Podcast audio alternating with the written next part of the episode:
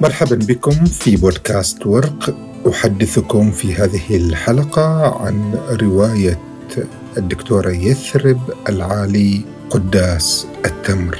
في ختام هذه الرواية في السطر الأخير يقول بطل الرواية في مقبرة المسيحيين أنا حسن العربي قداس تمر لا يمكن فهمه. هذه الجملة الوحيدة في الرواية التي تحمل كلمة أو عنوان قداس التمر. نكاد لا نعثر في الرواية على اسم الرواية. اسم قداس التمر الذي هو مفتاح من مفاتيح فهم الرواية وفهم الشخصية الرئيسية لهذه الرواية. ما المقصود بقداس التمر هنا؟ ولماذا حسن العربي يرى في مقبرة المسيحيين يرى نفسه قداس تمر ولماذا لا يمكن فهمه؟ هذه الأسئلة تحتاج إلى تأويل لحكاية الرواية وإلى فكرة الرواية والصراعات الموجودة في هذه الرواية. القداس كما هو معروف هو عبارة عن صلوات. الصلوات التي تؤدى في الكنائس بكلماتها بألحانها تسمى قداس. هذه الطقوس طقوس الصلاة التي تكون في الكنائس بالأدعية باستحضار الإله وروح القدس تسمى قداسا. في هذا القداس يحضر الخبز ويحضر الخمر ويحضر روح القدس وتحضر الروح القادرة على تحويل هذا الخمر وهذا الخبز إلى دم ولحم. ماذا يحضر في الرواية من ذلك؟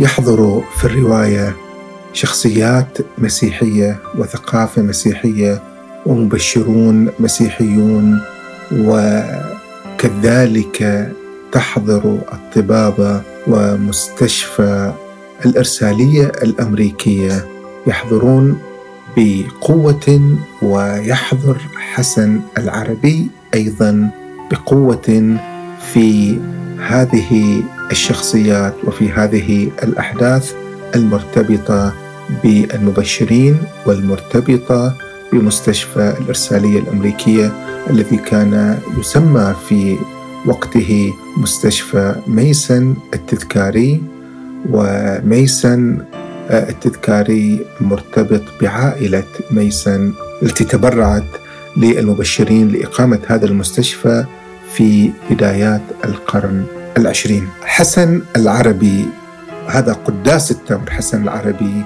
هو يأتي من المنطقة الشرقية يأتي من الخبر هو في الحقيقة يهاجر غريبا هو يأتي مع أخته مهاجرا من تلك المنطقة معدما فقيرا يحاول أن يشق طريقه في البيع والشراء في سوق الخضار ويستغل كذلك قدرته الشعرية وقدرته القصصية. فيحدث أن جاره عبد العزيز الذي كان قد فقد عدد كبير من الزبائن آه، يشي به ويقول في السوق إنه شيعي إن هذا حسن رافضي وبالتالي آه، لا تشتروا منه وأحضر مجموعة من الشهود وكان حسن في وقتها يصلي مسبل اليدين فأشار إليهم إنه رافضي إنه رافضي. فهذه كلمة رافضي المرتبطة بهويته الشيعية آه، جعلته يهرب أو يهاجر لأنه شعر بالخطر وشعر بالنبذ وشعر وكأن اللعنة قد حلت عليه فيذهب إلى البحرين وهناك في البحرين يعمل ويتزوج ويحقق حياة أخرى. ولكن هذه الحياة التي خاضها في البحرين كانت محفوفة بالمخاطر أيضا وبالأحداث التي ترويها هذه الرواية.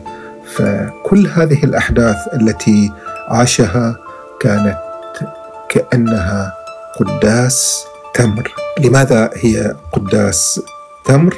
القداس مكان مقدس مكان نعيش فيه هويتنا الدينية وهويتنا التي من خلالها نفسر العالم فهو مكان هوية. وكان حسن العربي يجد في نفسه في هويته أنه ينتمي إلى ثقافة التمر أي ينتمي إلى ثقافة النخيل ينتمي إلى المزارع ينتمي إلى الأرض. من هذه الثقافة تشكلت هويته وهذه الهوية كانت في مفارقة وفي صراع مع هويات أخرى داخل هذه الرواية. واحدة من هذه الهويات هي الهوية المسيحية والتي سأشرحها لاحقا. واحدة أيضا من هذه الهويات هي الهوية الفارسية التي ظهرت حين تزوج من زهرة. زهرة هي بنت محتاب ومحتاب أمها الفارسية التي جاءت من فارس إلى البحرين انتقلت من ثقافة فارس من ثقافة الزعفران من ثقافة القرطم.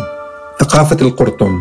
القرطم هو عبارة عن العصفر نبات أصفر يوضع أحيانا مع الزعفران لكي يعطيه لون وهذا يعتبر نوع طبعا من الغش آه ولكن بالمجمل ثقافة مهتاب الفارسية التي جاءت من الزراعة ريف الثقافة المنفتحة جاءت في تضارب مع ثقافة التمر مع ثقافة النخلة. كانت تلعب في آه، حقول الفستق الذي هو معروف بالذهب الأخضر في فارس كانت حقول الباستا اللي هو الفستق بالنسبة لمهتاب مكان مقدس يعني مكان هوية أي قداس. فهي انتقلت بهذه الثقافة إلى ثقافة أخرى هي ثقافة النخلة ثقافة محافظة.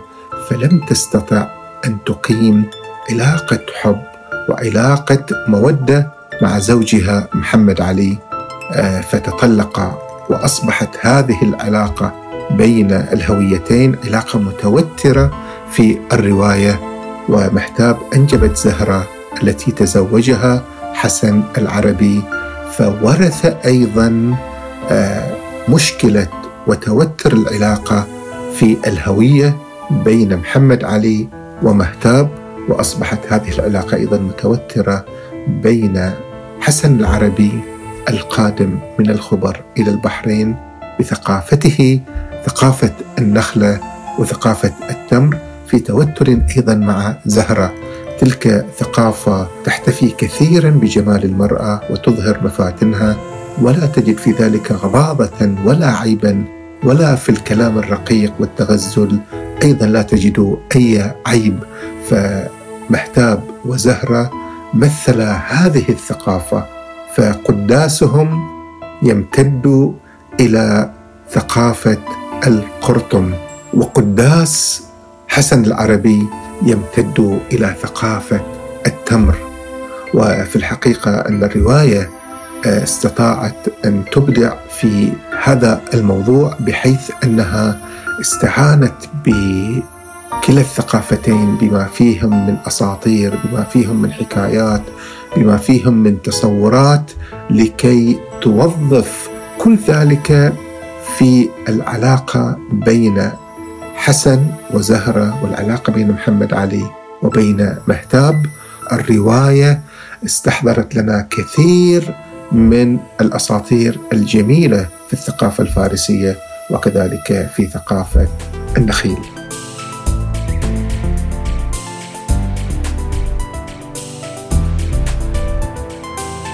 لقد كان بين ثقافة وهوية وقداس القرطم وقداس التمر عناصر ثقافية مشتركة.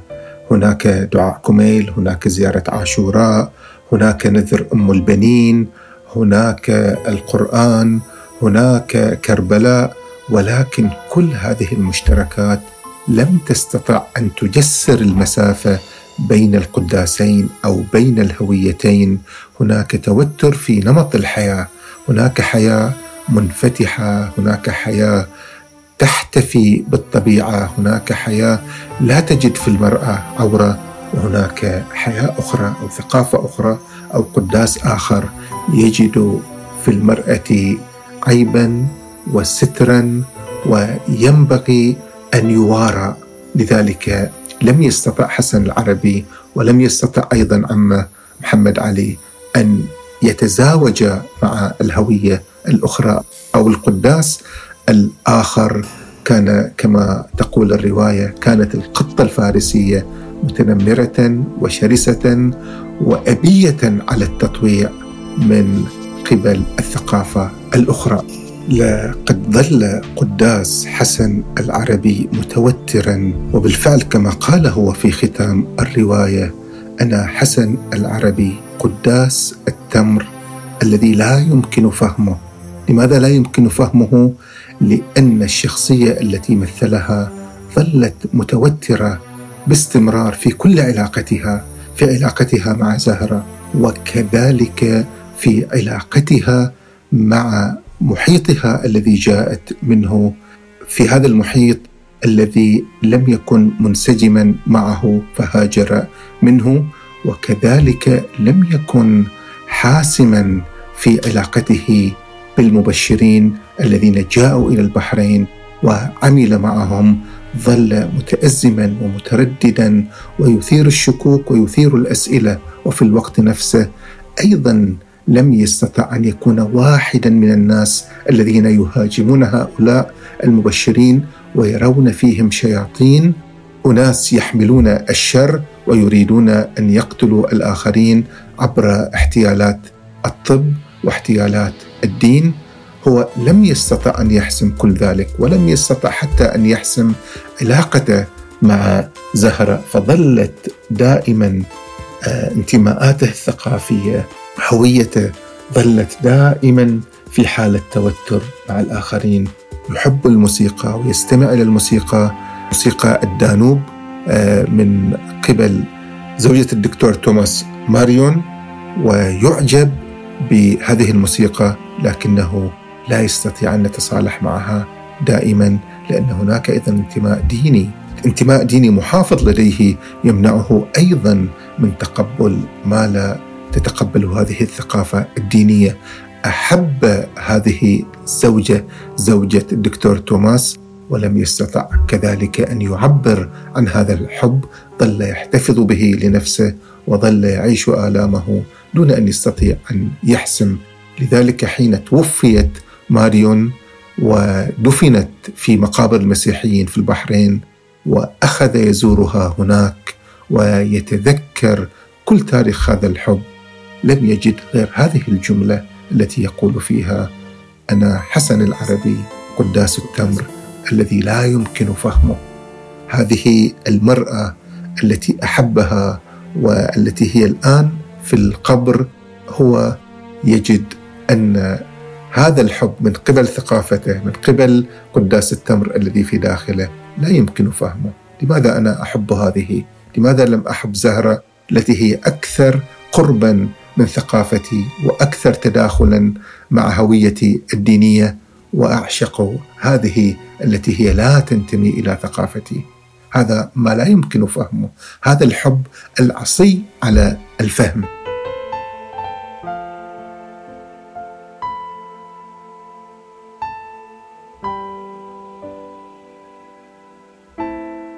آه، تضعنا الرواية في كثير من مآزق الهوية أي أنها تضعنا في قداس الهوية.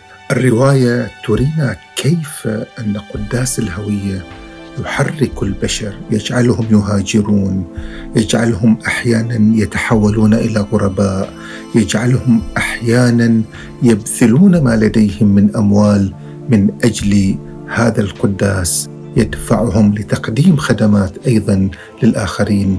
هذا القداس الذي يعمل داخل الإنسان بهذه القوة كان وراء الإرسالية الأمريكية التي جاءت إلى البحرين لتقوم بعمليات التبشير وعمليات التطبيب في الوقت نفسه. حسن يلتقي مع هؤلاء يلتقي مع زويمر وزوجته إيمي. ويلتقي مع توماس وزوجته ماريون يشكل مع هؤلاء قداسا أيضا فيه العمل فيه الطب وفيه تحديات كبيرة لأمراض فتكت بالبحرين في ذلك الوقت كمرض الطاعون والكوليرا والحصبة. الكاتبة تستثمر خبرتها الطبية في هذا المجال لكي تضعنا في سياق هذه الأمراض التاريخية التي عاشتها البحرين بقوة وبصعوبة شديدة وتداخل مع هذا المرض. تداخلت الهوية وتداخل الدين وتداخل الاستعمار كذلك في الوقت نفسه.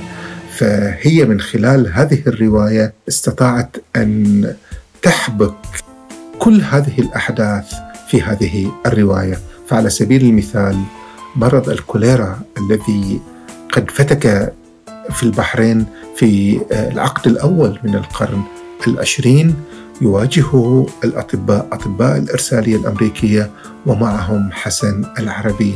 ولكن هناك من كان يظن أن هؤلاء هم الذين قاموا بتسميم الآبار لكي ينشروا المرض بين المسلمين كي يأذوا المسلمين وأن ما يقدمونه من خدمات طبية ما هي إلا حيلة لكي يتمكنوا من القضاء على المسلمين. فكان حسن يعيش هذا الجو يعيش قصة الحب مع ماريون ويعيش في الوقت نفسه قصة العمل من أجل الآخرين ويعيش في الوقت نفسه العقلانية الغربية الطبية التي هي تؤمن أن الطب مسألة مادية لها قوانين لها قواعد لها عناصر ممكن أن تكون مستقلة عن الدين ولكن من يعيش معه في هذا المجتمع لم يكن يقتنع من ذلك. هذه الصراعات هذه التوترات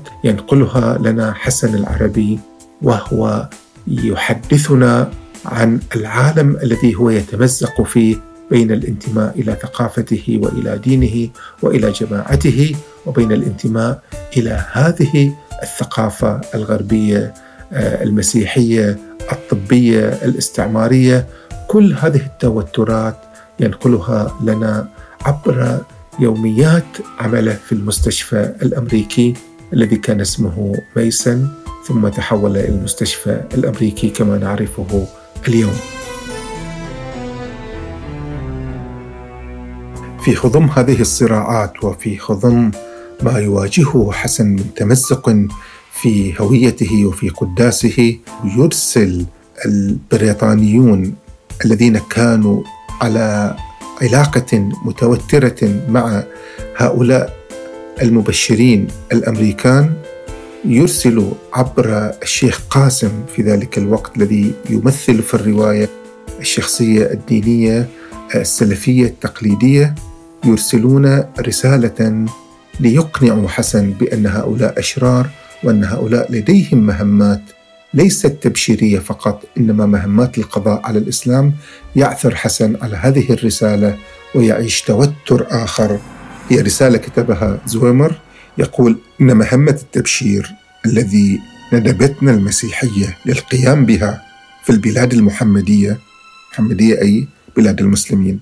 ليست إدخال المسلمين في المسيحية فإن في هذا هداية لهم وتكريما. وإنما مهمتنا أن نخرج المسلم من الإسلام ليصبح مخلوقا لا صلة له بالله وبالتالي فلا صلة له بالأخلاق. التي تعتمد عليها الأمم في حياتها وبذلك نكون نحن بعملنا هذا طليعة الفتح الاستعماري في الممالك الإسلامية. هذه الجملة تهز حسن ويعيش مآزقها ومخاضاتها وتتغير علاقته لوهلة بهذا الطاقم ولكن عبر علاقة الحب التي عاشها من طرفه مع ماريون استطاع أن يفهم ما وراء ذلك أكثر واستطاع أن يعيد علاقته معهم ويتقبلهم كما تقدمه الرواية.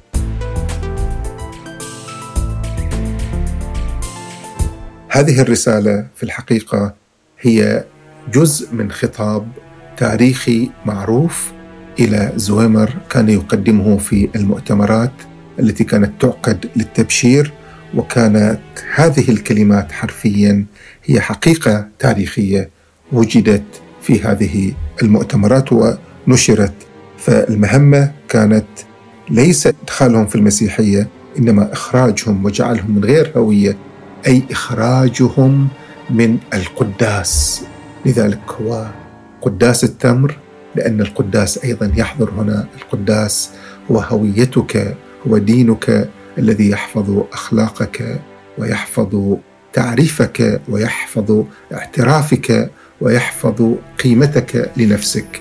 فكان التبشير وكان زويمر يستهدف قلع هذا الجانب وجعل هذا المسلم من غير هوية ومن غير قداس. وفي الحقيقة أن الرواية لا تقول هذا الخطاب بهذه الطريقة إنما تجعله جزء من الصراع الذي كان في داخل حسن في قداس حسن والذي صاغ شخصيته وصاغ علاقاته بمعنى أن الرواية لا تتبنى خطابا حاسما ولا خطابا آه، ايديولوجيا ولا خطابا مناهضا إنما هي تجعل هذه الصراعات وهذه البواعث المتضادة تشتغل في الرواية.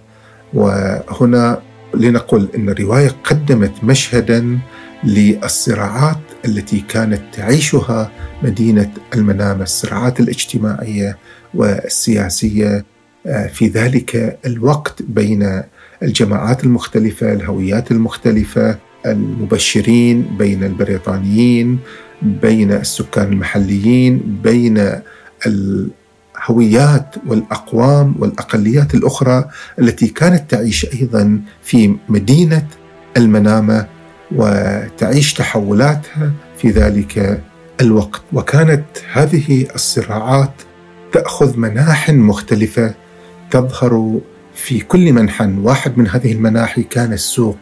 سوق المنامة كان مجالا لظهور كل هذه الصراعات وهي تعطينا أيضا الرواية مشهد من هذه المشاهد.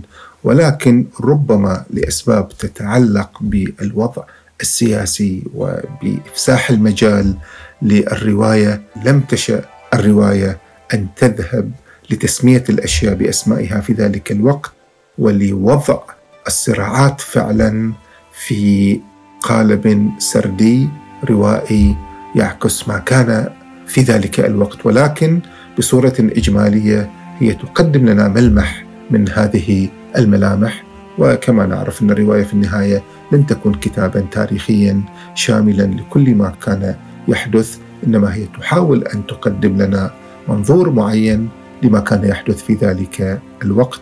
لذلك هي تستحق أن تكون رواية تاريخية لأنها تذهب إلى ما قبل تقريبا قرن من الزمان وكيف كانت الصراعات تحدث في مدينة المنامة في ذلك الوقت. شكرا لكم.